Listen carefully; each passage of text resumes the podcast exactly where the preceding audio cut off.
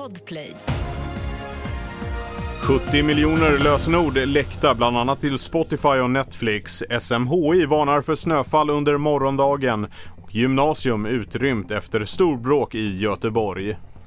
Det här är senaste nytt. Ungefär 70 miljoner lösenord har läckt från databaser och där kan svenska inloggningsuppgifter till exempelvis Facebook, Paypal, Spotify och Netflix ingå.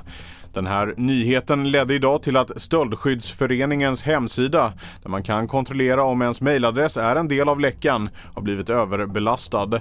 Samtidigt finns det en viss trygghet att det är så många uppgifter som läckt enligt IT-säkerhetsexperten Marcus Murray. På ett sätt så behöver man inte vara helt obegränsat orolig för att i och med att de har så många olika lösenord så måste, måste de också välja att angripa just dig. Jag tror att om man inte vill vara orolig, då ska man se till att man har dels unika lösenord på varenda sajt och dels att man eh, då byter lösenord på alla olika känsliga sajter som man har loggat in på tidigare.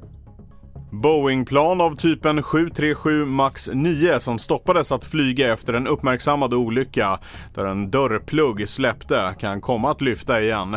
USAs luftfartsmyndighet har gett grönt ljus till inspektioner som alltså kan innebära att planet tillåts att flyga.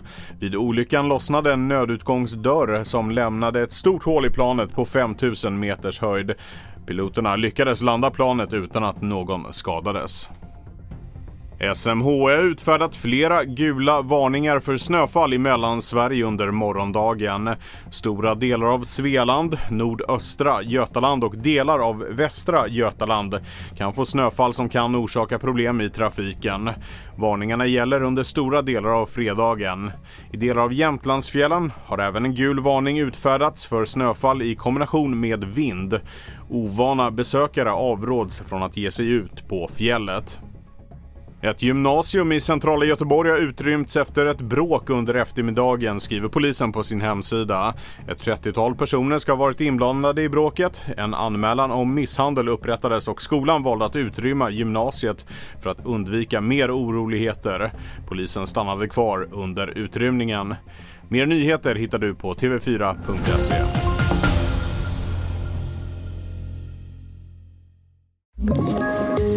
Poddtips från Podplay.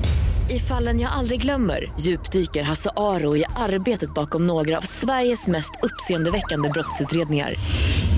Går vi in med hemlig telefonavlyssning och, och då upplever vi att vi får en total förändring av hans beteende. Vad är det som händer nu? Vem är det som läcker?